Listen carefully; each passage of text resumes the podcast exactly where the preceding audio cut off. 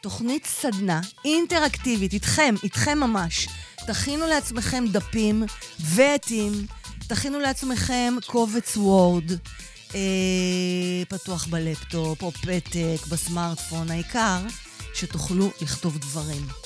מה עוד? תכינו לעצמכם את הראש, כדי לחשוב טוב טוב איך אתם מהיום והלאה הולכים לתקשר מעולה, אוקיי? עם כל מי שלא הצלחתם, עם כל מי שרציתם עד היום ולא הצלחתם. Yeah.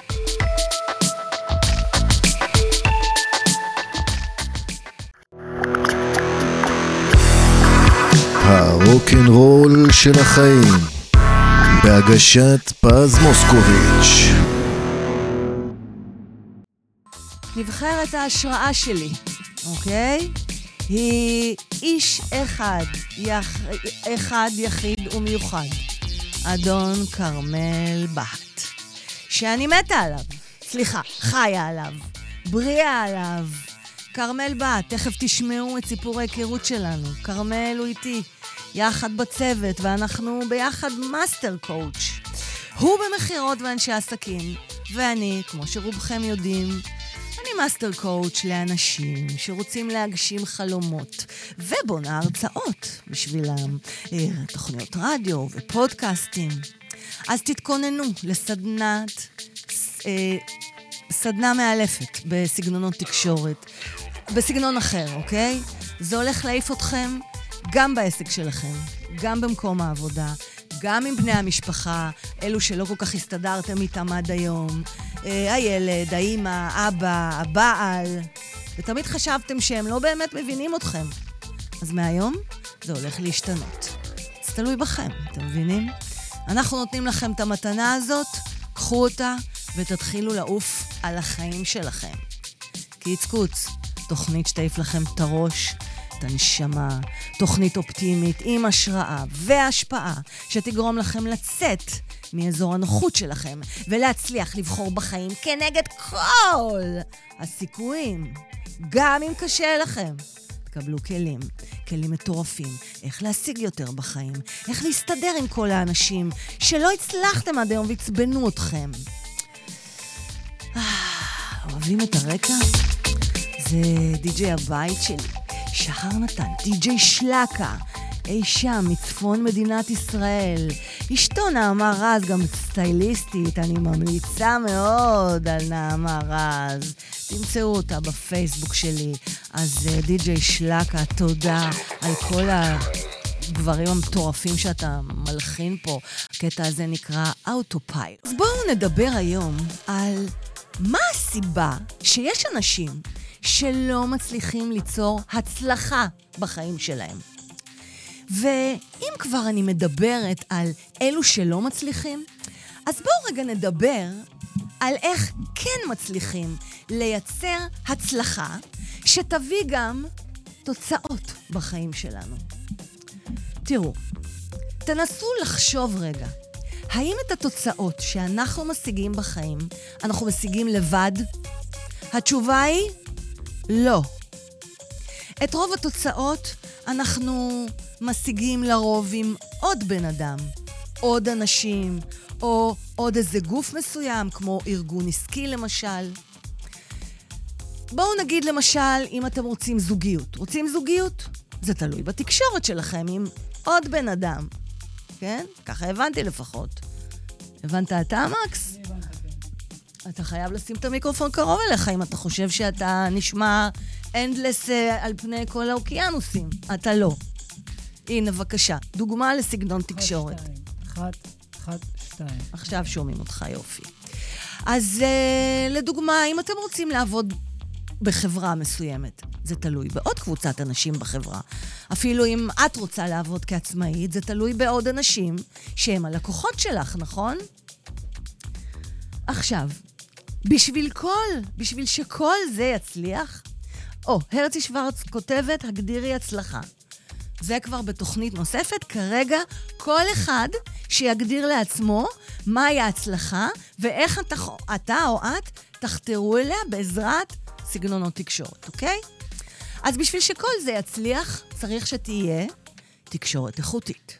ובכן, מהי תקשורת איכותית? בואו נגדיר.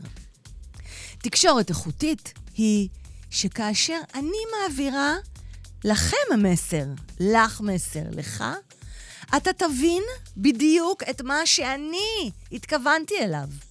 ואם לא הבנתם, זאת אומרת שאני זאת שחייבת לדאוג לכך ש... שהבנתם את מה שרציתי להעביר לכם. יעני, במילים אחרות, האחריות היא שלי ואך ורק שלי.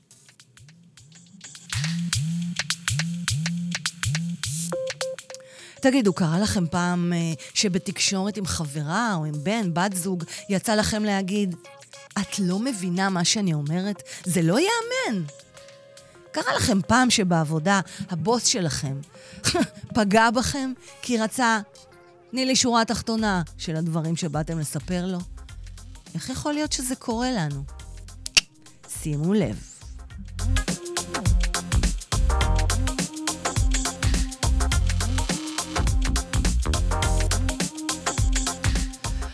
אז שימו לב, בתוכנית שלנו היום אתם תלמדו לדעת את סגנון התקשורת של האדם שאיתו אתם מדברים. תלמדו גם לדעת מה הסגנון תקשורת שלכם. אתם תקבלו הלילה מתנה אדירה, או ממש יהלומים, שישנו לכם את החיים, גם בעסק, גם בחיים האישיים. שימו לב, סגנונות תקשורת זה משהו שאנחנו מזהים אפילו אצל ילדים. זה גם משהו שיכול להשתנות עם הזמן, כן? תלוי באיזה תקופה בן האדם נמצא בחיים, באיזה תפקיד הוא נמצא. זה משהו שמשתנה גם לעיתים. קיימים ארבעה סוגי סגנונות תקשורת, ועכשיו אני רוצה לצרף רגע את כרמל בהט. אתה בדיליי, מקס. כרמל בהט. אה, נכון. רגע, רגע. בואו נשים את כרמל פה. יופי. הנה כרמל. שומע ערב אותנו? טוב. ערב טוב, כרמל. אהלן, שומעים? מה העניינים? היי, חמודה, כיף לראות אותך, היי. יופי. קדימה, יופי, מעולה. אז שיש- אה, 60 שניות של התרגשות ואנחנו מתחילים. יאללה, בכיף.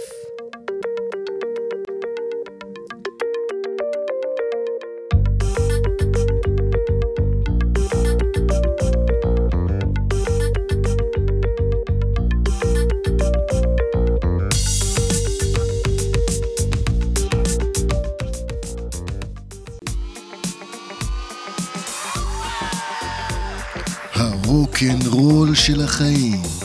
פודקאסט מפוצץ השראה והתפתחות אישית בסגנון אחר. בהגשת פז מוסקוביץ', master coach לחיים ולבניית הרצאות ופודקאסטים.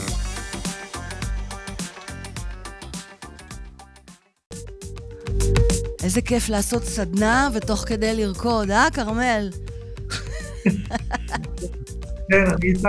טוב, אז היינו ב... שימו לב, קיימים ארבעה סוגני... סג... אה, שוש... לא, לא, לא.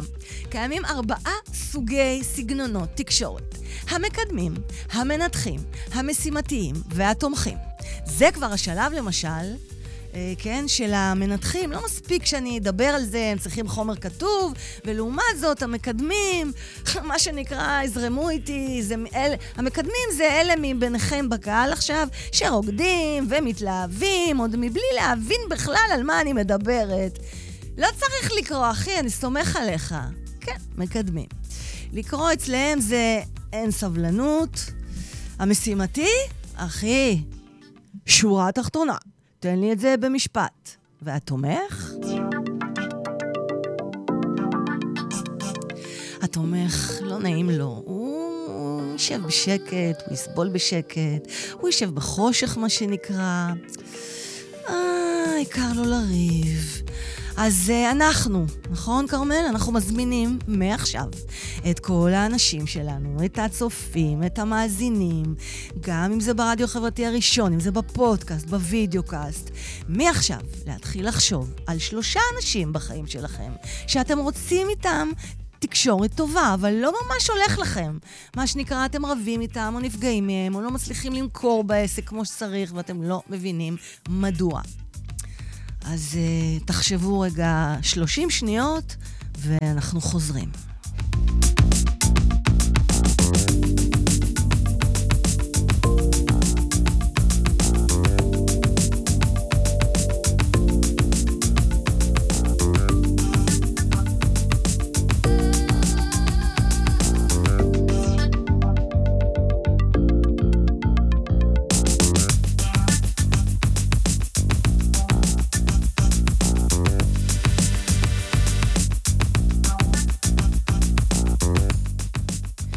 אוקיי, חשבתם כולכם? על איזה אנשים אתם הולכים אה, לקחת איתכם אה, לסדנה הזאת בראש שלכם? יופי.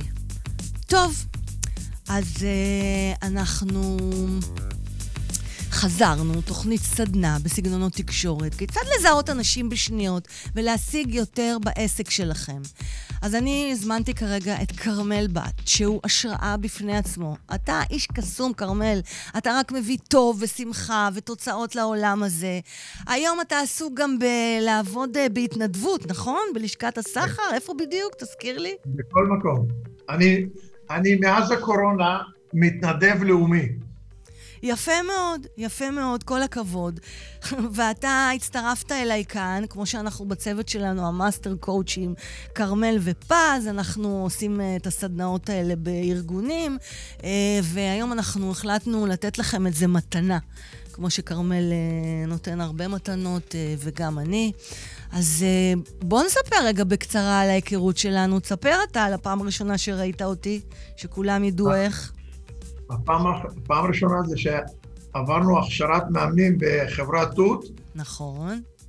ואני יכול לומר שאני ואת היינו האנשים הפחות מועמדים לקבל את המדליה, ומסתבר שבסופו של דבר אנחנו נשארנו בתחום וכולם פרשו.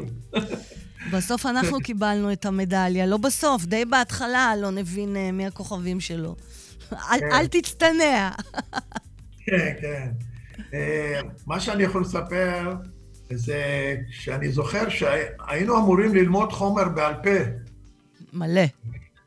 ו- ואני לעולם לא הצלחתי ללמוד דף שלם, אז תמיד הייתי מתחבא שיקראו לך לפניי, ככה התור היה נגמר ואני הייתי מגיע בסוף. הייתי פטור מזה. כן. ו...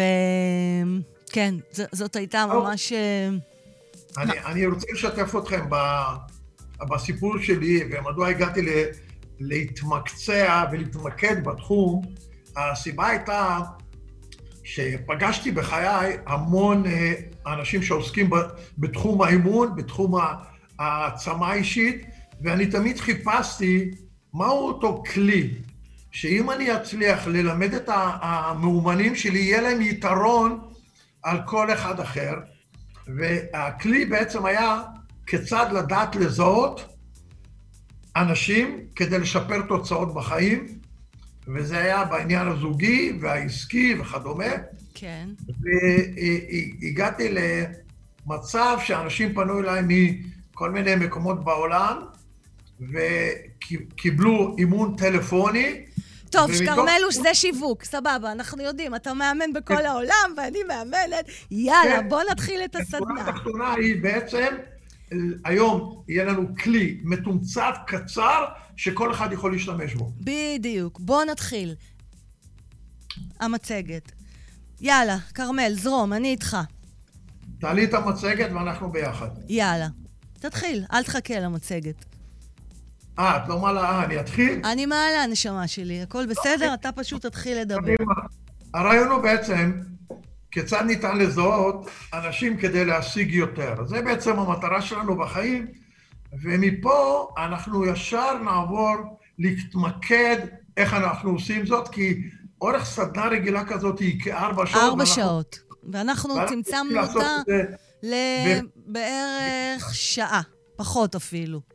אפילו בשבילכם, פחות. נכון. אז אנחנו, אה, בואי נתקדם לשקף הבא, ואנחנו כבר נראה בשקף הבא, ברשותך. אני רוצה רגע להגיב לצופה שלנו, מאזינה, ארצי שוורץ, שכותבת, אני לא רבה עם אנשים, במריבה האמת הולכת לאיבוד. את רוצה להגיד לי שעם כל האנשים את מסתדרת בעולם? לא חייבת להיות מריבה.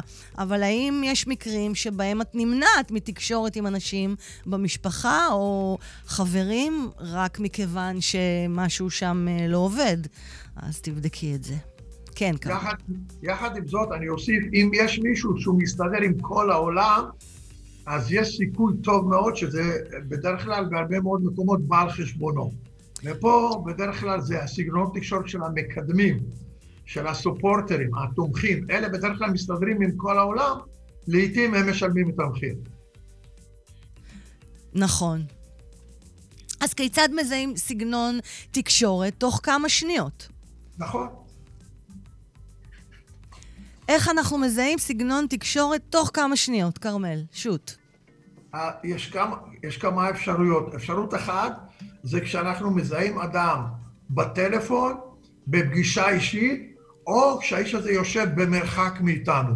יש פרמטרים שאם אנחנו נדע אותם, נוכל מיד לקטלג את האיש באיזה אפיון תקשורתי הוא מוביל, איזה סגנון תקשורת משני וכדומה. נכון. אז בואו נעבור לעמוד שלוש, מקס. קדימה. אוקיי. אנחנו ממש עושים לכם סקירה מהירה, תשימו לב. כן, יש תגובות. תסתכל בעמוד של הרדיו, אם אנשים שואלים. אני רואה פה. כן. אוקיי. השקף הזה בעצם מחדד לנו אה, משהו שלא תמיד שמנו לב אליו, שסך הכל התוכן הוא רק 7% מקבלת ההחלטה שלנו. רוב ההחלטות מתקבלות מהצורה של מי שאנחנו פוגשים, הצורה החז- חזותית שלו, או מהשמיעה שבתוכה יש גם את המימיקות. לכן חשוב מאוד להבין שסך הכל התוכן שהוא 7% הוא הכי פחות קובע. בואי נתקדם לשקף הבא ברשותך. יש ארבעה סוגי אה, סגנונות תקשורת, אוקיי? אוקיי. אה, יש את כן- ה... כן, כרמל. יש את סגנון התקשורת. אה, אתה רוצה לדבר על, ה... אה, על השדר והקלט, בבקשה. כן, כן. כי, כי רוב בני אדם בטוחים שהם אמרו משהו, אחר הבין אותם כפי שהם רצו. נכון. דיב... הרעיון הוא שאני צריך לראות אם אותו ילד או בוס או שכן, לא רק שהוא שמע, אם גם בעצם הוא עשה משהו. ובמידה והוא עשה משהו, זה הופך להיות יתרון עבורי. זה ו- אומר שהאחריות על התקשורת יושב על המשדר ולא על הקולט. נכון, וגם אם הוא לא עשה, אה, או שהוא עשה ואולי לא הבין אותי, האחריות עליי כמשדר, כמשדרת, היא לראות שהוא הבין את בדיוק מה שאני התכוונתי אליו, ולא שהוא הבין אולי איזושהי פרשנות או סרט שיש לו בראש, ואני שידרתי A והוא הבין B. אז אני צריכה ממש, האחריות היא עלינו, ל- לראות שהבינו בדיוק. לעתים, לעתים טיפ שאני עושה זה לבקש וידוע. ל- לבקש וידוע, שיחזרו על מה שאמרתי, כדי אכן ליצור בהירות שהוא הבין את מה שאני שידרתי אליו. אוקיי, בתחום המכירות, כן, כשלימדתי, אמרתי לו, אין את המשפט, הוא לא קנה, יש את המשפט, אתה לא מכרת. יפה, מעולה. נכון, כי האחריות היא על זה שמשדר. כנ"ל, איך תגיד את אותו משפט לאבא וילד, אה, או לאימא וילדה, שהאימא אומרת, את לא מבינה אותי. מה תגיד לה? אוקיי, אה, בואו נעשה את זה יותר בקלות. כשהילד לא רוצה לעשות שיעורים, אה, בעצם זה אומר שאני לא הצלחתי לתקשר לו מדוע כדאי לעשות שיעורים. ואם אני אצליח לתקשר לילד מדוע כדאי לו לעשות שיעורים, זה יהפוך להיות גם יתרון עבורי וגם עבורו. אוקיי? כן, אני איתך. אז זה אומר שגם אם הבת שלי, אה, העברתי לה איזשהו מסר, שהסברתי לה שזה לא אה, כדאי, לא כדאי להשתמש בסמים מסוימים, והיא לא השתמשה, זה אומר שהמסר שלי הוא עבר בצורה איכותית, כי היא הבינה אותי, ובעצם היא עשה את מה שאני ביקשתי. נכון, נכון, מעולה. נעבור לשקופית הבאה, מקס? יש לנו... קדימה. שלום, מקס. יש לנו שלום from the USA מדברה ג'יי. היי, דברה. אז אה, כנראה אולי אה, מישהי שאתה מכיר? אני, כרמל? כן, אה, דברה, אתה מכיר? דברה מה? ג'יי. בטח. דברה, אני חושב שהיא הייתה בהדרכה שלי. אז דברה, היי, איזה כיף שאת איתנו. אה, נעים להכיר. אז אה, בואו בוא נמשיך אה, אה, לדבר על זה, שכאשר אנחנו פוגשים בן אדם, איך אנחנו יכולים לזהות תוך ממש כמה שניות איזה סגנון תקשור, תקשורת הוא? אנחנו קודם כל מנסים לזהות האם הוא טיפוס פסיבי, או האם הוא טיפוס דומיננטי. מה מאפיין את הטיפוס הפסיבי? הוא שקט, הוא עדין באופן יחסי, הוא לא מתפרץ לשיחה, הוא ככה מדבר ממש אה, בקטנה, אה, הוא לא מוביל, את, את יודעים, אתם יודעים. אה, זה לא הטיפוסים ה... תכף נעבור לדומיננטיים. אז קודם כל, ת, תבינו בראש שלכם, אוקיי, הוא פסיבי? אם כן, אוקיי, הוא פסיבי. אם לא, עוברים ישר לדומיננטי. הטיפוס הדומיננטי, הקול שלו חזק, הוא חד, יש לו נטייה להתפרץ באמצע הדברים, הוא דוחף קדימה, הוא לוקח פיקוד, הוא אנרגטי, הוא כריזמטי. מכירים מישהי כזאת? אוקיי. אוקיי. למשל, למשל, שימו לב שפז היא דומיננטית. וכרמל? הוא יותר פסיבי. ומקס יותר פסיבי. אני הייתי קוראת למקס יותר מכיל, לא פסיבי. בבית זה הפוך. ברור. אוקיי. אני, אני אתן לכם פה דוגמה. אה, כשאני מגיע לחתונה, אה, בדרך כלל שואלים אותי, האם מיכאל הגיע כי הוא פסיבי, לא יודעים שהוא הגיע, אבל אף פעם לא אומרים לי אם מרים הגיעה כי יודעים שהגיע. אבל מי זאת מרים ומי זה מיכאל? איך הבאת אותם לפה עכשיו? שאם הגיע, כולם יודעים. אוקיי, מה שחשוב כרגע לאנשים שצופים, כן. לקחת, לקחת שם של אדם מסוים שחשוב להם לדעת עליו. אמרתי להם שיקחו שלושה אנשים שהם, נכון, נראה להם שהם לא מסתדרים, ועכשיו תכתבו, האם הוא פסיבי או אקטיבי, או דומיננטי, כל אחד. מצוין. וברגע שאתם כותבים שהוא פסיבי או דומיננטי, אנחנו נתקדם ונגיע למצב שהם ידעו ממש כבר, כבר היום, עכשיו. בדיוק. לדעת מה המאפיינים שלו ואיך לדבר איתו. איזה מהמם. קלטת מה יצא לי, כרמל? יצא לי פסיבי או אקטיבי? אה, אה, חשוב לציין, כן, כן, כשאני אתקדם אני אסביר עוד קצת, אבל כרגע זה הפרמטרים, נניח אני יושב במסעדה, אני יכול מיד לראות... אפילו על המלצר. נכון. סליחה? אפילו על המלצר, או נגיד אתה יושב בבר, עכשיו, עכשיו אה, בחורה אה, בסביבות גיל ה-30, 40, 50, 70, לא משנה, יושבת בבר, ומישהו מוצא חן בעיניה, היא ישר יכולה עכשיו, קודם כל, לחשוב לעצמה בבר אה, ולזהות האם הוא פסיבי או אקטיבי, נכון? וככה לנסות אה, להתחיל נכון, איתו. נכון, כי אם הוא פסיבי... הוא לא ייגש אליה לעולם, היא צריכה לגשת אליו. בדיוק. תביני, אם הוא פסיבי, עלה, אבוד לך. אז אה, אם את דומיננטית, יאללה, קחי את האומץ ותגשי לה, והפוך גם לגבר, שרואה אישה על הבר. נו, בסוף יצאו לנו דייטים מגניבים עליי, אה, לצופים שלנו. אז אוקיי, בוא נכון. נתקדם לשקף הבא. רגע, רגע, לפני שמתקדמים, אני רוצה לשאול אותך שאלה מעניינת. יש לי תשובה, אבל בוא נשמע מה אתה אומר. ומה טוב. אתם אומרים? צופים ומאזינים, רוקנרוליסטים שלי, תגיבו יותר, בואו בוא נראה, הם כנראה בהלם. אמ, מה רציתי לשאול? אה, נכון שאפשר אפילו לזהות סגנון תקשורת, בשלב הזה אנחנו בפסיבי ובדומיננטי, אפילו בטינדר, אפילו באתרי היכרויות. אתם יכולות, אתם יכולים לזהות כבר את הטיפוס שאתם מתקשרים איתו.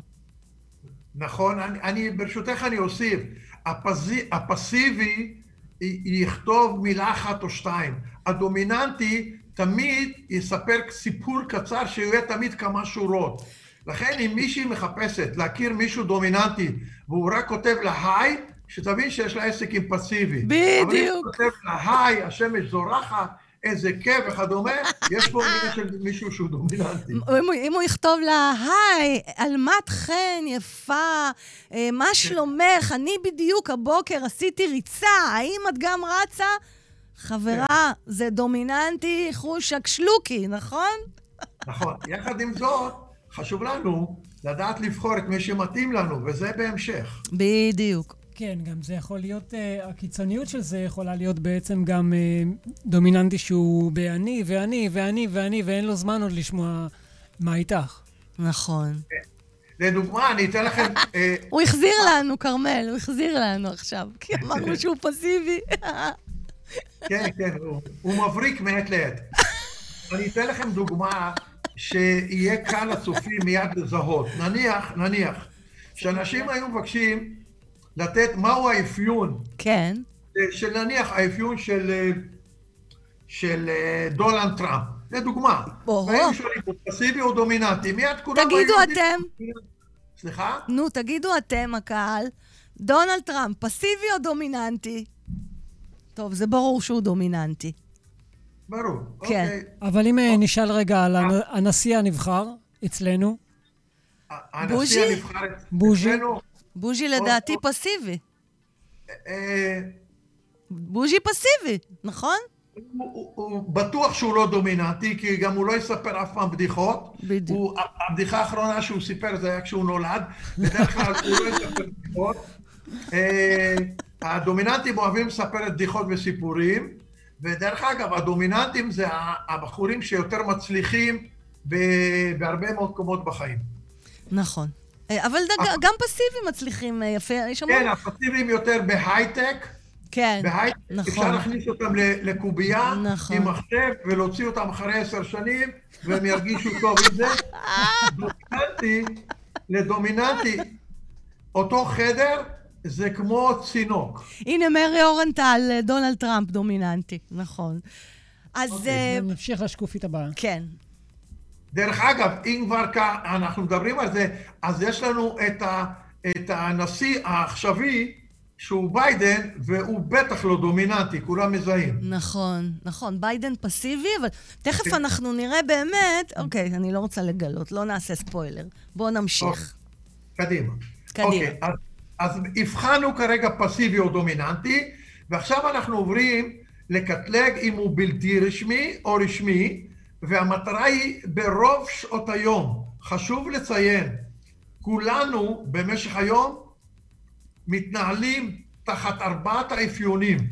השאלה היא, כדי לדייק, מה מאפיין אותנו ברוב שעות היום.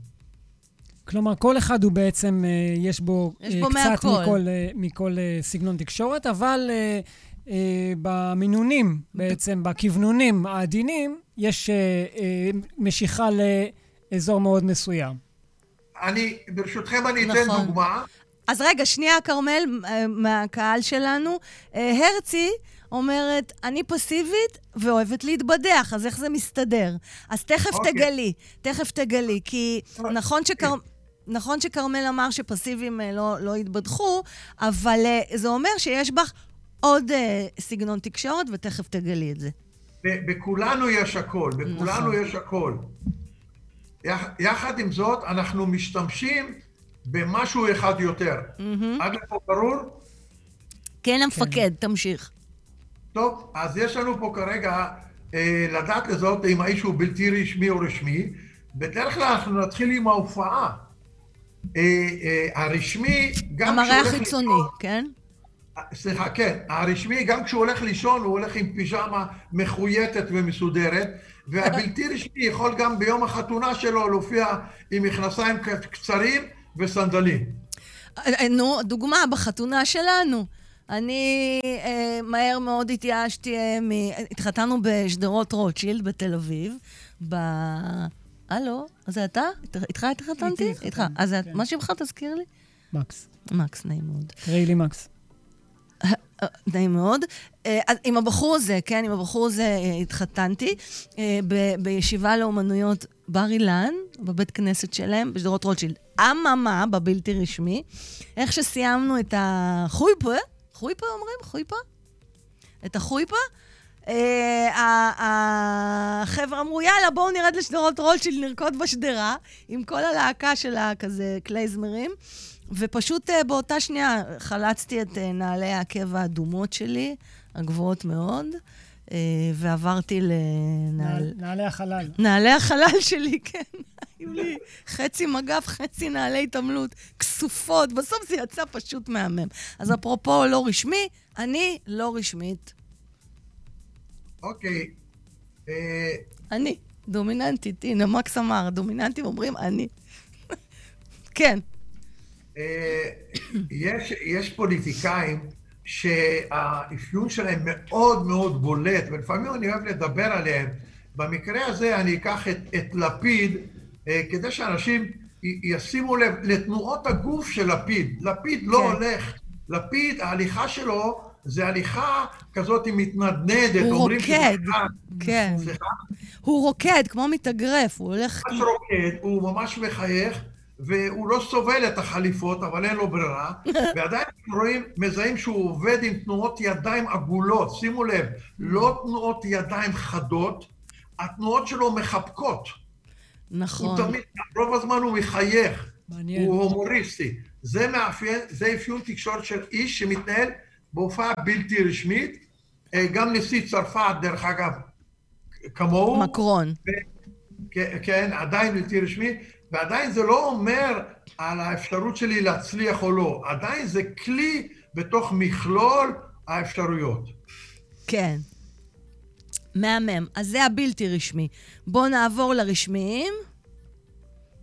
אלא אם כן יש לך עוד איזה סיפור לספר, אני יודעת שיש לך. על, על רשמיים אתם יכולים לשים לב שהרשמיים זה למשל אה, ליברמן, לביבי נתניהו, אה, שמתם לב, הם תמיד רשמיים, הם לעולם כמעט ולא תזהו אותם אה, עם בגד ספורטיבי או משהו כזה. אני, אני, אה, אני, אני רוצה לתת דוגמאות מעולם האומנים גם. קדימה, מעולם אומנים. שימו לב, לא, את מתי כספי למשל, מתי כספי זה נכון. פסיבי, פסיבי, והוא ממש איש רשמי. רשמי מאוד. פעם סיפרו לו בדיחה וכמעט הוא התעלף, כי הוא, זה קשה לו לשמוע בדיחות, לא לספר. אם הוא מספר בדיחה, אנשים לעולם לא מבינים, כי הוא אפילו לא יודע שזה מצחיק. אז, אז שים לב ש... והוא דווקא איש מאוד מצחיק, זה מעניין. איך? כשהוא רוצה, הוא, הוא איש מאוד מצחיק. זה לא שאין להם אבל... חוש הומור. אבל כן, יש לו את הדרך שלו להצחיק. למה הוא קורע מצחוק? כי הוא מדבר ולא לא מזיז, הבעות פנים, לא הכל זז. רשמי, כאילו לא כן. לא זז, והוא קורע מצחוק. אז הנה, הרצי, את צודקת. הרצי אומרת, אני לגמרי בלתי רשמית, הכי חופשית שיש, אז נכון. אז, אז, אז יש בך את הפסיבית, אבל את בלתי רשמית, ותכף תגלי איזה סגנון תקשורת את. ואת יוצאת עם חולצה ותקליט, מצטיינת. אה, אז, אז בואו בוא נאפיין רגע את הטיפוס הרשמי, ואז אני אתן רגע דוגמה שיש לי, תזכירו לי מהכוכב הבא. אז הרשמיים נשמעים מונוטונים. הנה, מתי כספי זה דוגמה כאילו the best. הם, הם, מה זה מונוטוני? כל הזמן באותו טון הם מדברים ככה, וזה עוד כל הזמן באותו טון. הם נתפסים מעט אה, מרוחקים. לפעמים אה, האנשים הבלתי רשמיים יכולים ממש להיעלב ולהיפגע מהרשמיים. נכון מאוד. ממש. ממש לפרש את זה כסנובים, כמגעילים, כאנשים לא נחמדים. פל, פלצנים. פלצנים, כן. הם מדברים מאוד עניינית, הם ממוקדים בנושא, הם לא מתפזרים כמו הבלתי רשמיים, שצוחקים, והומור, ובדיחות וכאלה, וגם הלבוש שלהם רשמי, כמו שאמרת. אז בכוכב הבא, בואו נעבור אחד-אחד ורגע נראה. מה אתם אומרים? בואו נתחיל. אסף אמדורסקי. רשמי. אסף הוא מעורב, הוא די מעורב, יחד עם זאת, תשימו לב, שאסף אמבולסקי לעולם לא מספר בדיחות, והוא נראה כזה קשוח, נכון? אסף, אני מכירה אותו אישית, מה, מה, מהסצנה, המון המון שנים. הוא, אסף, אסף הוא, בהקשר שלנו, הוא רשמי, והוא לא פסיבי, הוא דומיננטי. נכון. אוקיי? נכון. אז זה נכון. מעניין, תכף תלמדו מה זה הטיפוס הזה. אה, לידו מי יושבים? נו, זה ברור, אה, סטטיק ובן אל, הם הכי לא רשמיים, נכון? הכי לא רשמיים. אה, בן אל זה המקדם האולטימטיבי. דומיננטי. זה המרחף האולטימטיבי, שהוא בכלל לא יודע אם הוא באולפן או שהוא נמצא באיזושהי חנות בגדים בלוס אנג'לס. עכשיו, הוא, הוא דומיננטי, עוד לא הגענו למקדם וזה, תכף נלמד אותם. השאלה, הוא דומיננטי, הוא דומיננטי כן. נכון? וגם, סטטיק, כן. סטטיק ברור דומיננטי ולא רשמי. אה, גם, גם. גם, אולי באופן יחסי. הוא פחות ממנו, אבל עדיין הוא קצת רשמי, כן. כן. ומי יושבים לידו? אה, נינט. נינט זה מעניין. אה, נינט זה מעניין. מעניין. איזה סגנון נינט? אני חושבת שהיא רשמית. היא מעורבת, תשימו לב שלפעמים היא, היא נוטה גם לפה וגם לפה. נכון, אבל לא הכי... כן. היא לא חדה לחלוטין, ועוד מעט נבין גם למה, כי יש לה נכון. סגנון מאוד מיוחד. נכון. אבל עדיין, ממה שלמדנו, מה שלימדנו עד עכשיו, בנינט יש את הטיפוס הרשמי ופסיבי, מאיך שהיא מדברת. שירי לוקחת הרבה תשומת לב. אז שירי מימון, מה היא? קודם כל שימו לב שהיא מחייכת, היא, היא עובדת עם תנועות ידיים, נכון?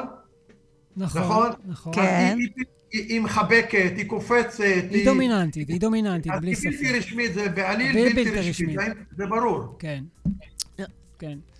יש לי שאלה, נכון. אתם מרשים לי רגע שאלה? יש לי שאלה. בבקשה. יכול להיות שבן אדם באופן אה, מולד אה, וטבעי, הוא אה, אה, בעל אחת, מה, אה, בעל אחת מהתכונות האלה יותר, זאת אומרת, בעל שתיים מהתכונות שאנחנו מצליבים כרגע יותר, כלומר, הוא יכול להיות למשל אה, אה, בלתי רשמי ודומיננטי באופן טבעי, אבל אה, החיים הובילו אותו להיות כן רשמי ופסיבי, כן, למשל? כן, חד משמעית, אוקיי. כן.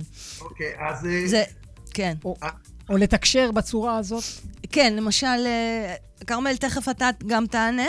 אה, כמו שאמרתי בתחילת התוכנית, זה תלוי באיזה תקופות ותלוי באיזה סיטואציות. אני, למשל, בסיטואציה של לחץ מאוד, אה, תכף יגלו מה זה, משימתית.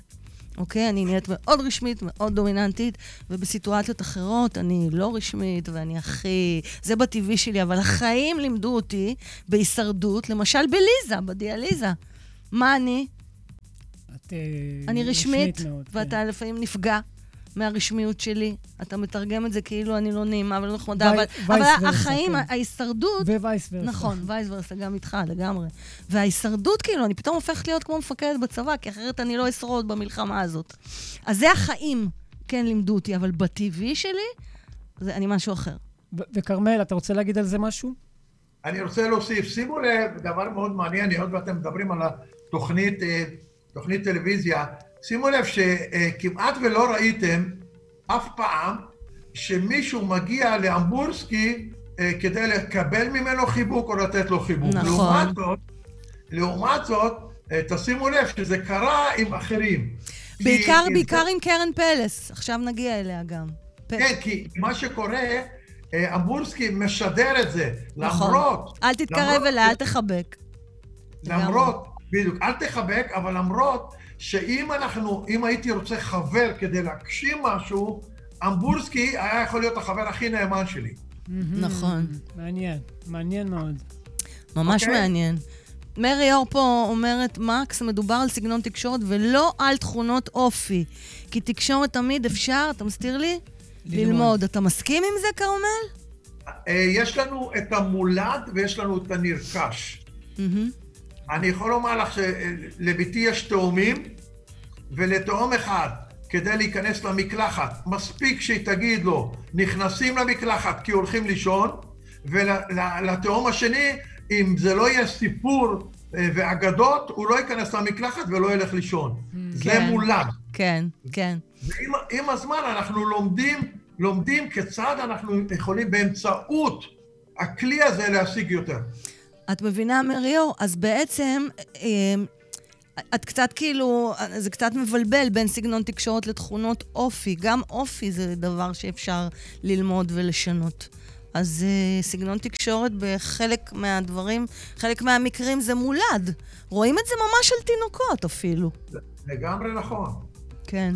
אה, אני, אני רוצה ברשותכם לשתף אתכם בדוגמה. כן. אבל רגע, לא, לא סיימנו את הפאנל של הכוכב הבא. נסיים אחר? נגיע אליו. טוב. אני אתן לכם דוגמה יותר חשובה. כן, העברתי הרצאה להורים בגן ילדים, כן. ואימא אחת אמרה לי שהגננת אמרה שצריכים לקחת את הילד שלה לאבחון פסיכולוגי כי יש לו בעיה. ובתום הסדנה, היא אמרה לי, אני הבנתי, תקשיבי, פז, כן, את מקשיבה? כל הזמן. בסוף הסדנה היא אמרה לי, הבנתי שלילד שלי אין שום בעיה. הילד שלי הוא עם סגנון תקשורת מסוים, Hmm. שהוא פסיבי, אוהב לשחק לבד, והוא ילד מוכשר, ו- וזה נגמר בזה מדהים. שהעברתי בסוף לכל הגננות והמורים את ההרצאה כדי שהם יבינו איך לזהות את הילדים. כן, כן. גדול. זה קורה לנו מלא, כן. פשוט אה, זה פותח לאנשים אה, מקומות שהם לא חשבו שלא חשבו שהם קיימים, וזה באמת משנה את החיים. בואו נמשיך. אה, את ביקשת עוד שמות או דוגמאות. כן, בואו נמשיך את הפאנל של הכוכב הבא. אז קרן פלס. קרן פלס הכי לא רשמית אה, ודומיננטית, נכון? כן. אה, היא די דומיננטית, כן, כן. די דומיננטית, כן. היא אולי גם, אה, לפעמים גם פסיבית, יכול להיות שהיא תומכת. בוא, בוא, בוא נראה. נכון, אה, יש בה, היא מעורבת. יש אנשים שהם ממש מעורבת. כן. כן. ומי אחר כך יש, אחרי קרן פלס? אה, איתי, איתי לוי. איתי לוי הוא דמות קלאסית של איש שהוא יחסית בלתי רשמי ודומיננטי. נכון, נכון. נכון. נכון. בואו נעבור ל- לעמוד הבא. בואו בוא, עכשיו נחבר את הכל בעצם.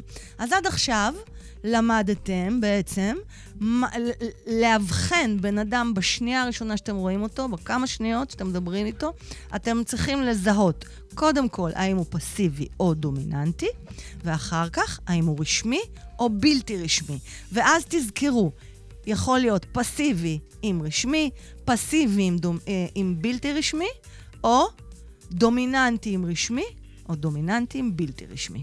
בואו נעבור לעמוד הזה. כדי, כדי, כדי לעשות את, ה, את העסק יותר פשוט וקל, מה שאני מבקש מאנשים זה לקחת אה, אדם מסוים ולנסות לאפיין אותו, כן. כאשר הם יתחילו לבחור את הפרמטרים בשלב שלב ולסמן מהו יותר.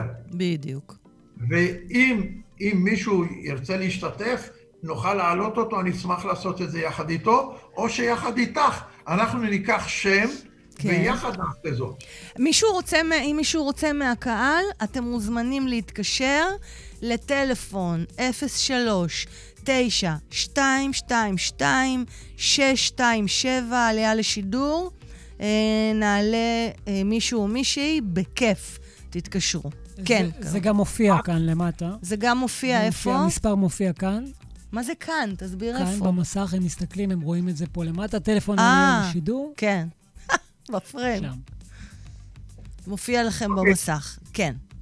ב- בינתיים, עד שמישהו יעלה אה, אה, פז, את מוזמנת כרגע להעלות איזושהי דמות מסוימת. אה, למשל, הגברת שרצתה להיות נשיאת המדינה, מה שמה?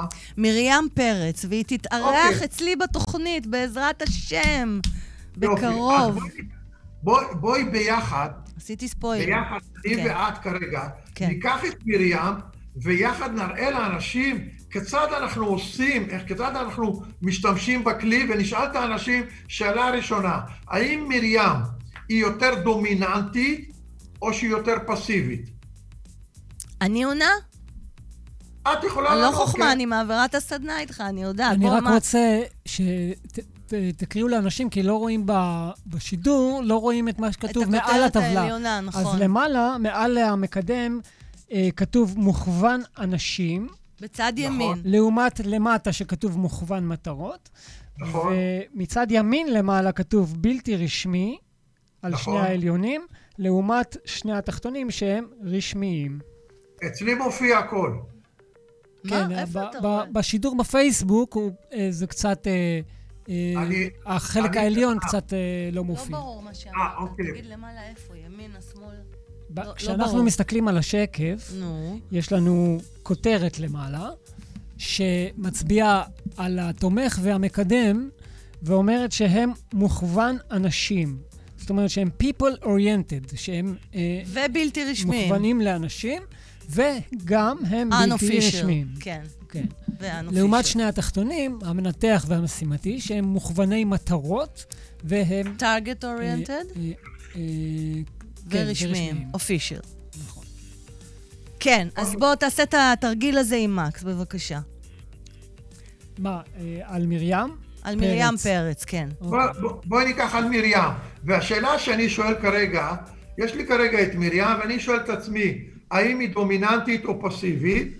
אז כולנו מזהים שמרים היא דומיננטית, נכון? נכון, נכון, יש בה, כן, יש בה שמחת חיים איך אנחנו יודעים. שהיא דומיננטית? היא מדברת עם תנועות ידיים עגולות, נכון.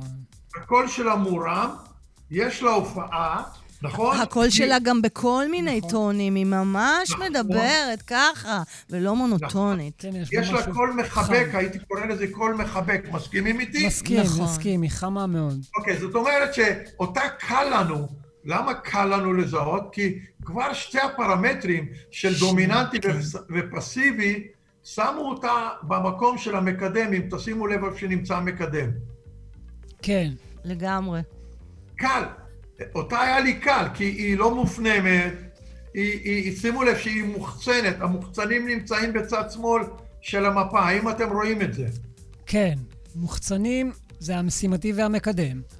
נכון, אבל את- אותה קל לי מאוד, כי מיד אני יודע לזהות. שני פרמטרים זה מספיק. יש אנשים שאני צריך יותר פרמטרים כדי לדעת לזהות אותם. שהם המורכבים, אה, כאילו, אז, אז זאת אומרת. שבעצם ארבע, ארבע תכונות אה, שאנחנו, קל לנו לזהות אצלה, מוצלבות אצלה, שזה נכון. שהיא דומיננטית ומוחצנת, שהיא מוכוונת אנשים ובלתי רשמית, נכון? נכון? כן. ושזהו, בעצם, אלה, אלה ארבע תכונות שבעצם ממקדות אותה למשבצת של המקדם. והמשימתית. יוצא גם משימתית קצת. כן, לא, אבל- אבל נכון, אבל שימי לב. היא יותר מוכוונת אנשים. הזה, אבל מה היא יותר? היא יותר מקדמת ממשימתית. כן, כן, לגמרי. בסדר? נכון. ורדה, ורדה לבקוביץ' מוסקוביץ' כותבת, אני חושבת שאם מישהו היה ניגש לאמדורסקי ומחבק אותו, זה היה שובה את ליבו. אז uh, אני חייבת לספר לך שזה קרה בתוכנית, uh, והוא ממש לא אהב את זה, אוקיי? זה באמת, הם לא אוהבים את זה, ורדה. הם ואני מכירה אותו אותם, באופן אה, אישי. או הם אוהבים שמחבקים אותם אה, באופן אינטימי, לא מול אה, בדיוק, לא. בפרהסיה, לא כן. מול קהל, באופן, באופן הפסיבי, כאילו, בשקט, כן. כזה, שלא יראו. אז... אה, אה, שלא יעשו מזה עניין. בדיוק. לא מול... כן. אני רוצה לשתף אותך בתרגיל מה, מהסדנאות שלי. אוקיי? כן. שוט, מן. אני קורא, אני קורא לבמה לאישה מסגנון תקשורת שמקדם. תדמיו, תדמנו את מרים, בסדר? כן. ואני אומר את המשפט הבא, מרים, תוך שלוש שניות אני אומר משהו, ואת יכולה או לבחור לעשות אותו או לא. מוכנה? מרים, מה היא אומרת? כן. כן. בטח. ואז אני אומר לה, תני חיבוק. מה מרים עושה? מחבקת! מה זה מחבקת. מחבקת? על הבמה, על הבמה, נמצאת מופנמת, אנלייזרית, מנתחת, שרק ראתה את התרגיל. היא עוד לא התבקשה לעשות כלום. היא יורדת מהבמה, אני אומר לה, סליחה, לאן את הולכת? היא אומרת לו, לא, התרגיל הזה בטח שאני לא מוכנה להשתתף. המנתחת. אז בוא נסביר למה. למה אתה מתכוון ש- ש- שילמדו. אז המנתח הוא מה? הוא רשמי, נכון. קודם כל הוא, רשמי, הוא מופנם, פסיבי. נכון? הוא פסיבי. פסיבי. הוא. פסיבי. נכון, הוא מופנם, הוא יכול- פסיבי. אתם תמצאו אותו בהייטק, בתוך הקיוביקים, בדרך כלל עם מחשב לבד כל היום, ואין לו בעיה עם זה. נכון. מנתח אה, הוא אה, מתכנת קלאסי. מתכנת, רוב המנת... אה, אה, בוודאי, כי סגנון תקשורת מקדם, הוא יכול לעשות את העבודה הזאת, אבל כל כמה דקות הוא יצטרך לקפוץ מהחדר החוצה. כן. אני רוצה רגע, אתה יודע מה? אז שנייה, היינו במקדם, נכון? אני רוצה רגע לתמצת את המקדם שיבינו. קודם כל, בהגדרות, הוא בלתי רשמי ודומיננטי. בעצם המקדם, כשאתם רואים טיפוס שאתם אומרים, וואו, איזה מהמם, הוא אנרגטי, תוסס, קופצני, חיוני, הוא מלא רעיונות, כיף איתו, אבל מה? הוא לא תמיד מאורגן. יומן, אוקיי? מי מכם שמזהה את עצמו מקדם? מי מכם קנה יומן? ומה קרה איתו אחרי שבועיים? זיכרונו לברכה. אתם אה, לא תמיד מאורגנים או מקדמים. אה, בתחילת כל שנה אתם מה זה בהתלהבות? קונים יומן, אופטימיים. אתם אומרים לעצמכם, טוב, השנה אנחנו מתחילים לעבוד מסודר, נכון? נכון, המקדמים? מה קורה אחרי חודש? אתם לא מוצאים את היומן, או שזה הפך למחברת טיוטות, מה שנקרא זיכרונו לברכה. סיכמנו את המקדם. סבבוש? עוד משהו, כן. למקדמים תמיד יש פתרונות פלא, ולא תמיד, לא, לא תמיד זה ולא עובד. לא תמיד הפתרונות מחוברים למציאות. מלא רעיונות יש למקדם.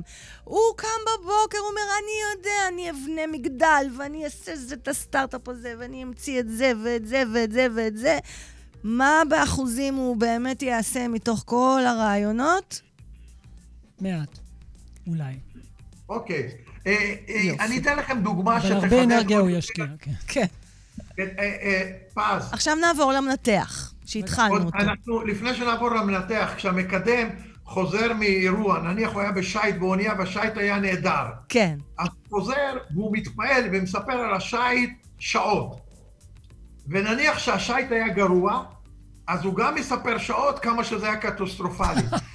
את המנתח, המנתח שחוזר מאותו שייט, שימו לב, והשייט הזה היה יוצא מן הכלל, הוא יסביר, היינו בשייט, עלינו בתשע ועשרה, בעשר הייתה ארוחה, באחד שלי. ישבנו, הוא ייתן את כל הנתונים עד שאתה נרדם מהסיפור שלו.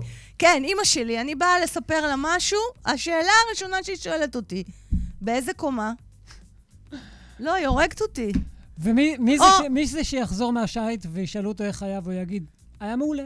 רגע, חכה, עוד לא, לא הגענו אליו, עוד לא הגענו אליו. לא הגענו רגע, אליו, רגע, בוא נסכם אליו. את המנתח. קפצת, קפצת קדימה. כרמל, יש לנו עוד פחות מרבע שעה, אז אנחנו צריכים אה, אה, 20 דקות להזדרז. אה, אז בוא נסכם את המנתח. המנתח, המנתחים זה האנשים שעובדים עם המון המון נתונים. אה, נתונים, נתונים, נתונים, נתונים. גם, גם ביומן שלהם, מחקר, כן? גם ביומן שלהם מופיע מתי הם אוכלים, מתי הם עושים סקס, כמה זמן, באיזה תנוחות, והם לא משנים את זה לעולם. כן. אוקיי, הם לאורך זמן אנשים די משעממים, כי הם כל הזמן מבזבזים זמן על נתונים ונתונים ופרטים ונתונים. דרך אגב, הם האנשים שתמיד יקבלו במסעדה את החשבון, אם לא, הם יחטפו אותו כדי לבדוק. יואו! ותמיד הם ימצאו שגיאה. גדול, גדול. אז, אה, אז בעצם המנתח, נתונים, נתונים, נתונים, מחקר, הכל לאט, יסודי, מעמיק. המנתח אה, או המנתחת אפילו יבדקו את כל סוגי הסינטבון, העיקר להגיע לטוב ביותר. הם יקראו את האותיות הקטנות בביסלי בסופר. למנתח כמובן, הוא יקרא ויעמיק. כאשר מנתח קונה מברשת שיניים, הוא קורא את כל ההוראות עד הפסיק האחרון. בדיוק. בגלל זה מקס הולך לסופר חמש שעות. כי חמש שעות אתה קורא את כל מה שכתוב. התיאוריה הזאת הייתה נכונה. אני מתה! הייתה נכונה אם היא לא הייתה עושה באינטרנט קנייה של חמש שעות. אז אה, בואי. אבל אני עושה קנייה של חמש שעות, כי אני בהתלהבות מסמנת מיליון מוצרים, אני לא קוראת שום דבר. דרך אגב, במוצרים. המנתחים, תקשיבו, המנתחים הם אחלה חברים, מדוע? כי אם אני רוצה לקנות איזה טלוויזיה, אני לא הולך לעשות סקר שוק. אני מבקש. ממנו.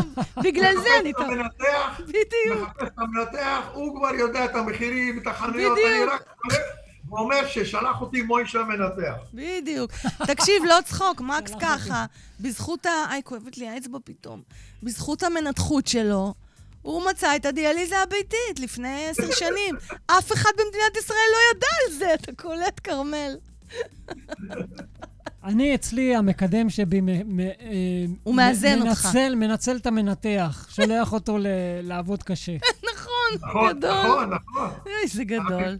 עכשיו, איך הוא עושה את זה, דרך אגב? הוא הולך למנתח, והוא אומר לו רק את המשפט הבא, תעשה לי טובה, אם אתה יכול לחסוך לי כמה דקות, כי זה יחסוך לי כמה שקלים. כן. ואז המנתח ולמנתח זה מתמסר. לוקח קצת יותר. המנתח כן. מגיש לו תוכנית, דרך אגב, המנתח זה איש שאין לו יום בלי תכנון. לא קיים אצלו יום בלי תכנון. אז זה לא בדיוק אני. הנה, מרי אור שואלת, אם אני מנתחת, ואת כן, את מנתחת, למה אני לא מאורגנת ובלי אומנים וכאלה? אז אנחנו עוברים עכשיו לסגנון הבא, אחרי, הפסיבי, אחרי המנתח. לתומך. מרי אור, את מנתחת תומכת. בבקשה, כרמל, הבמה שלך. התומכים זה בדרך כלל האנשים השקטים. החמותי, זיכרונו לברכה, הייתה התומכת הקלאסית. לעולם היא לא אכלה בשולחן עד שלא כולם סיימו. התומך יואו. זה האיש שאכפת לו מכולם. זה אימא, זה אימא שלי, זה את. כן, איש שאוהב, תומך, מוותר, כן, מוותר. לגמרי. זה, זה חבר נאמן, אחי. ו- ותומך, הרבה מאוד מקרים, זה איש שיכול לעבוד 40 שנה באותו מקום עבודה ולא לבקש תוספת משכורת. אוקיי. מצד שני, הוא לא, הוא לא יאהב את זה אם לא יעריכו אה, אם לא יעריכו אותו, אם לא ניתנו לו קצת ועדיין- איזה, איזה מילה ועדיין- חמה. ועדיין הוא ימשיך לתת, לתמוך. ועדיין הוא לא אמר את זה. הוא לא יגיד. התומך, לא הוא לא ישתף. נעים לו, לא נעים לו. לא נעים לו, והוא הוא, הוא כל כך, בן- הוא אוהב לעזור לכולם. עכשיו, אם אני יודע לזהות מישהו שהוא תומך כחבר או חברה, אז קיבלתי, זכיתי במתנה, כי אין, אין הרבה תומכים, הם אחוז קטן באוכלוסייה. לתומכות, בבקשה, נא להציע לי חברות. אני רוצה חברה תומכת. יש לי אימא תומכת שזה מהמם. אה, יש לי גם בעל תומך שזה מהמם, אבל אני רוצה חברה תומכת. אז בואו בוא, אז בוא נסכם רגע. התומך, שימו לב, כשאתם מזהים בן אדם שהוא גם פסיבי וגם לא רשמי, בלתי רשמי, הוא תומך. התומך זה אה, לא נעים, לא, נו, די, זה לא יפה, ממש לא נעים, אני אסבול בשקט, אני אשב בחושך, אבל אני לא אקטר. התומך הוא המכיל, המקבל, הנפגע בשקט. הוא לא יתלונן, הוא לא יעמת אתכם באלף, גם לא בעין. העיקר לשמור על שלום בית. זו הסיבה שלא תזהו שכמעט יש תומכים בכנסת. כי Mm. שם יש כרישים, ואם יש תומך, הם טורפים אותו ולא משאירים ממנו כלום. הוא מת מזמן, הוא לא שורד בכנסת אה, דקה. נכון? אמיתי. זה גם, ממש. בוא נחשוב על איזה פוליטיקאי תומך שריסקו אותו. עולה לכם אה, בראש, עולה לי בני בגין, לא יודע למה בני בגין עולה לי. נכון? איך? ובאמת טרפו אותו. עולה לי בני בגין משום מה. לא, לא, בני בגין היה די משימתי. אהה. אה, אהה. אוקיי. הוא היה חד. הוא היה, הוא היה חד, ברור, וממש... תומך זה אדם שמדבר בשקט, שבקושי שומעים אותו. תמיד אומרים לו, תגביר את הקול בבקשה. מהמם. תגביר את הקול, בבקשה. אני מגביר את הקול. לא הגברת, אפילו שאני מבקשת. הגברתי. תגביר, לא הגברת. אני מגביר, הנה, הגברתי. דרך אתה רואה? הוא עדיין באותו טון, זה לא יאומן. אוקיי, כיצד. מוכרים לתומך? כן. שימו לב, כיצד מוכרים לתומך? נניח, אני רוצה למכור לתומך מוצר, או האימא רוצה למכור חתן לביתה. יאללה. אז אם אני רוצה למ- למכור מוצר של- לסגנון תקשורת תומך, אני אסביר בפניו כמה המוצר הזה בטיחותי, כמה המוצר הזה שומר על הסביבה, כמה המוצר הזה אה, יחסוך אנרגיה. עכשיו, אם האימא רוצה למכור לביתה חתן תומך, היא תאמר לה, תקשיבי, כדאי לך להתחתן איתו, יהיה לך שקט, אף פעם הוא לא יצעק עליך, את תעשי מה שאת רוצה, את תוכלי לבקש ממנו שיעשה את הכל, ואת תהיי מלכה. יפה. אז בעצם, אם אני אה, אוסף את מה שאתה אומר, אתה בעצם אומר שאם אנחנו לומדים לזהות מהר מאוד, כמה שיותר מהר, אה, מי מולנו, אה, כשאנחנו לא מדברים על מערכות יחסים ארוכות טווח, כן? אנחנו יותר מדברים על מערכות יחסים בעבודה, למשל, כמו איש מכירות שמדבר עם אה, לקוחות אה, או עם לידים פוטנציאליים. אה, או אנשים אחרים שבאים איתם במגע במישור אה, המקצועי. אז, ואנחנו לומדים לזהות את זה מהר, אנחנו נדע כיצד לתקשר איתו, עם, עם אותו אה, איך להשיג אדם יותר. שהוא בסגנון התקשורת, בשפה שלו. כדי להשיג, אה, כן, או כדי לגייס אותו אה, ל, לרצון שלנו, או כ, כדי לו. להתחבר אליו יותר, בעצם. מה שהגדרת, הגדרת במדויק. אה, אני אתן לך דוגמה. בדלפק של ביטוח לאומי יושבות עובדות של ביטוח לאומי. בסדר? כן. כן. יש אנשים שעומדים בתור. אם אותה אישה בדלפק יודעת לזהות את האנשים בתור, יהיה לה קל לדעת איך להתאים את השיחה לכל אחד מהאנשים ולעבור את היום בקלות. אוקיי. עד כדי כך. עכשיו, איפה זה עוד טוב? כשמגיע זוג אה, לקנות דירה, ונניח האישה היא סגנון תקשורת מקדם, אני כ- כקבלן שרוצה למכור לה דירה, אני אתחיל איתה בסיפורים מהצבא ומהפלמ"ח ויספר לה 20 בדיחות. אבל אם הבעל הוא סגנון אנלייזר, אני אלך לחפש מנתח. קטלוגים, קטלוגים וספרים כדי לתת לו לקרוא. בסופו של יום, אחרי שעה שהוא יקרא, הוא יגיד לי, תן לי את הקטלוגים, אני הולך הביתה, אני ואני אחזור אליך עוד. פעם. ו- אוקיי. וזה בזמן שאתה מדבר עם האישה המקדמת, כי אתה צריך הרי לדבר בשתי השפות של שניהם, נכון? נכון, נכון. ו- ואם אני רוצה, אני רוצה באמת אה, לעשות מכירה מהירה למשימתי ועוד בטלפון. בטלפון. או, נהדר. אתה מתחיל איתו במשפט הבא, אחד, אם, אם זה בטלפון, יש לי משהו שחוסך כסף בצורה מהירה. מדהים. כי אתה נותן לו את הענייני, קצר, מהיר, אני. מתחיל מהסוף להתחלה. עכשיו, מהשורה התחתונה. אני אומר לו, מעניין אותך, אני ממשיך. לא מעניין אותך, אני עובר לאיש הבא. האנשים האלה אוה- אוהבים... מעריך אותך עוד יותר. עוד יותר, בדיוק. ואז הוא אומר, מה זה האיש הבא? תן לי דוגמה. ואז אתה אמור לתת לו דוגמה. מה, משימתי לא יבקש דוגמה? אה, כן, אבל הוא יבקש תוצאה. תוצאה. אה, אתה מכיר את חברת זאת וזאת? כן. עשיתי שם. אה, יופי. בדיוק. אז אוקיי, אז סיימנו את התומך, בואו נעבור לסגנון תקשורת הרביעי, שהוא המשימתי, the producer. המשימתי הוא אימא'לה, איזה אגוז מעניין לפיצוח. שימו לב, הוא גם רשמי והוא גם דומיננטי. והוא מכוון מכוון מטרות. מטרות. מוכוון מטרות לגמרי. תשימו לב שקל לכם יהיה עכשיו, לצופים, מיד לזהות את האנשים בפוליטיקה שהם משימתיים. אתם תדעו, לא אני. מיד, האנשים שמשתתפים, תשאלי אותם, הם יזהו בכנסת מיד מי האנשים המשימתיים בכנסת. מה ביבי? לגמרי מה, בוא, בוא נבדוק. בוא אחד, נבדוק. הוא מוחצן, הוא, הוא דומיננטי, הוא מוכוון מטרות, נכון. לגמרי, נכון? נכון. מוכוון מטרות, נכון. כן. מוחצן, דומיננטי, מסכימים? מסכימים. כן. ליברמן, ליברמן. רגע, רגע, אבל בואו בוא נראה מהו. ביבי, בואו נסגור את עניין ביבי. משימתי בקלות. משימתי. אז אני רוצה להוסיף שביבי הוא משימתי, יחד עם זאת, כדי למצוא חן, הוא למד למנפל ולעשות מניפולציות דרך סגנון תקשורת של מקדם.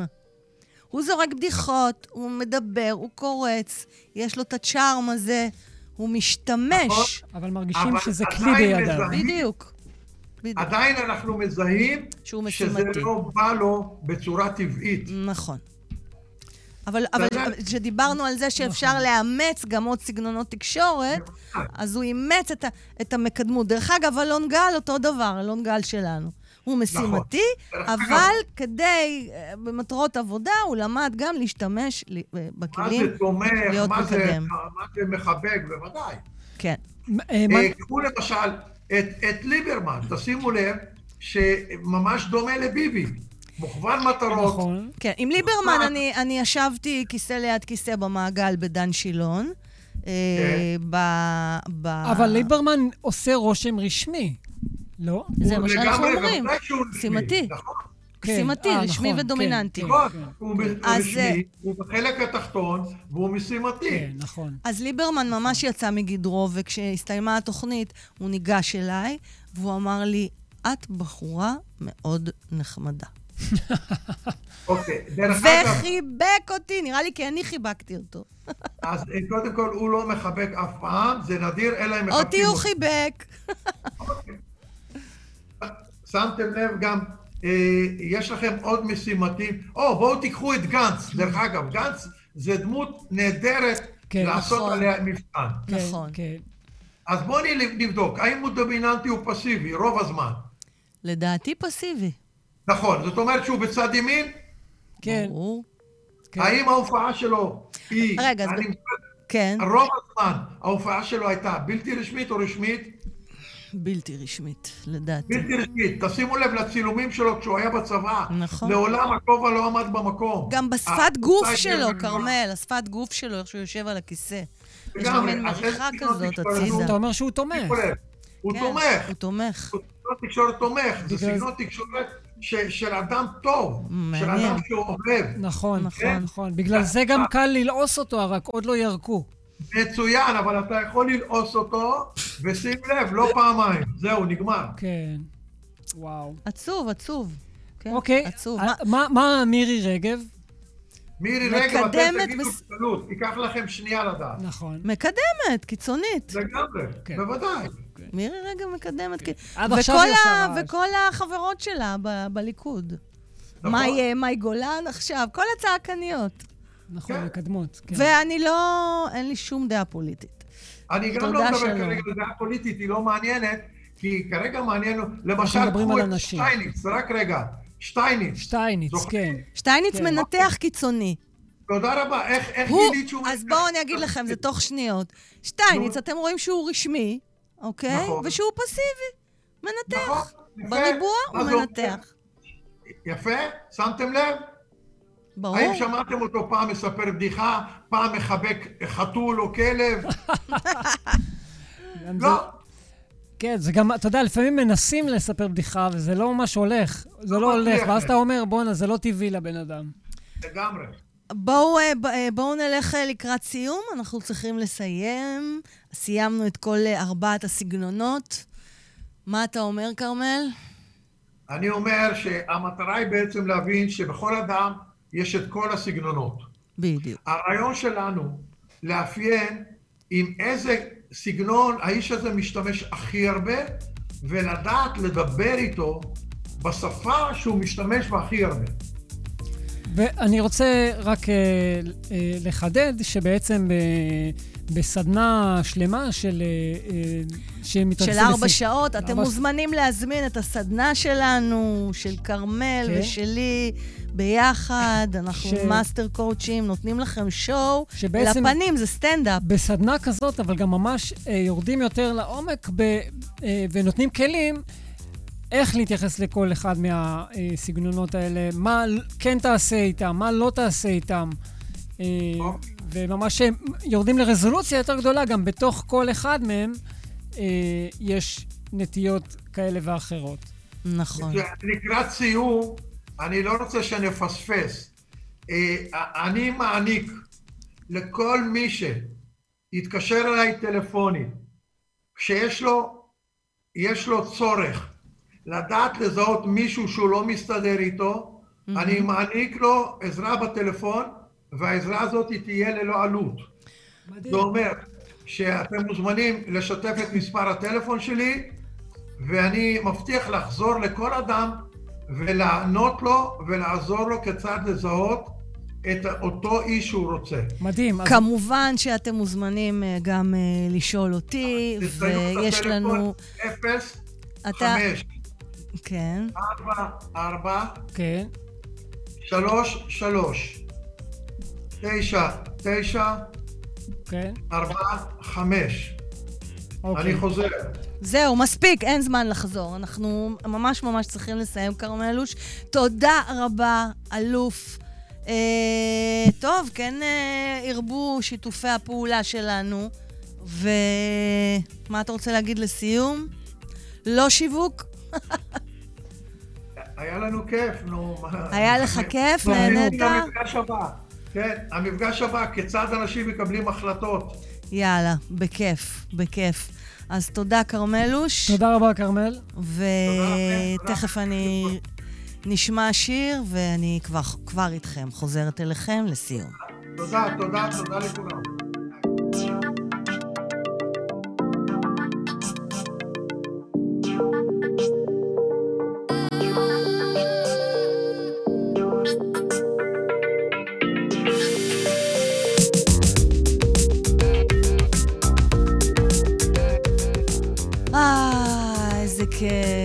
אז אה, איך היה לכם?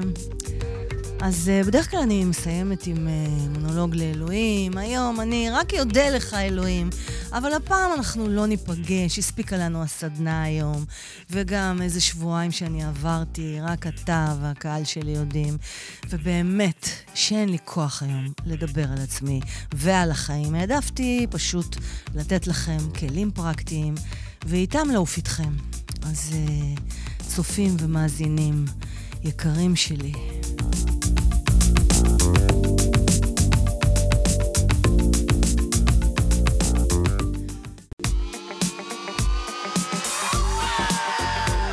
הרוקנרול של החיים, פודקאסט מפוצץ השראה והתפתחות אישית בסגנון אחר, בהגשת פז מוסקוביץ', master coach לחיים ולבניית הרצאות ופודקאסטים.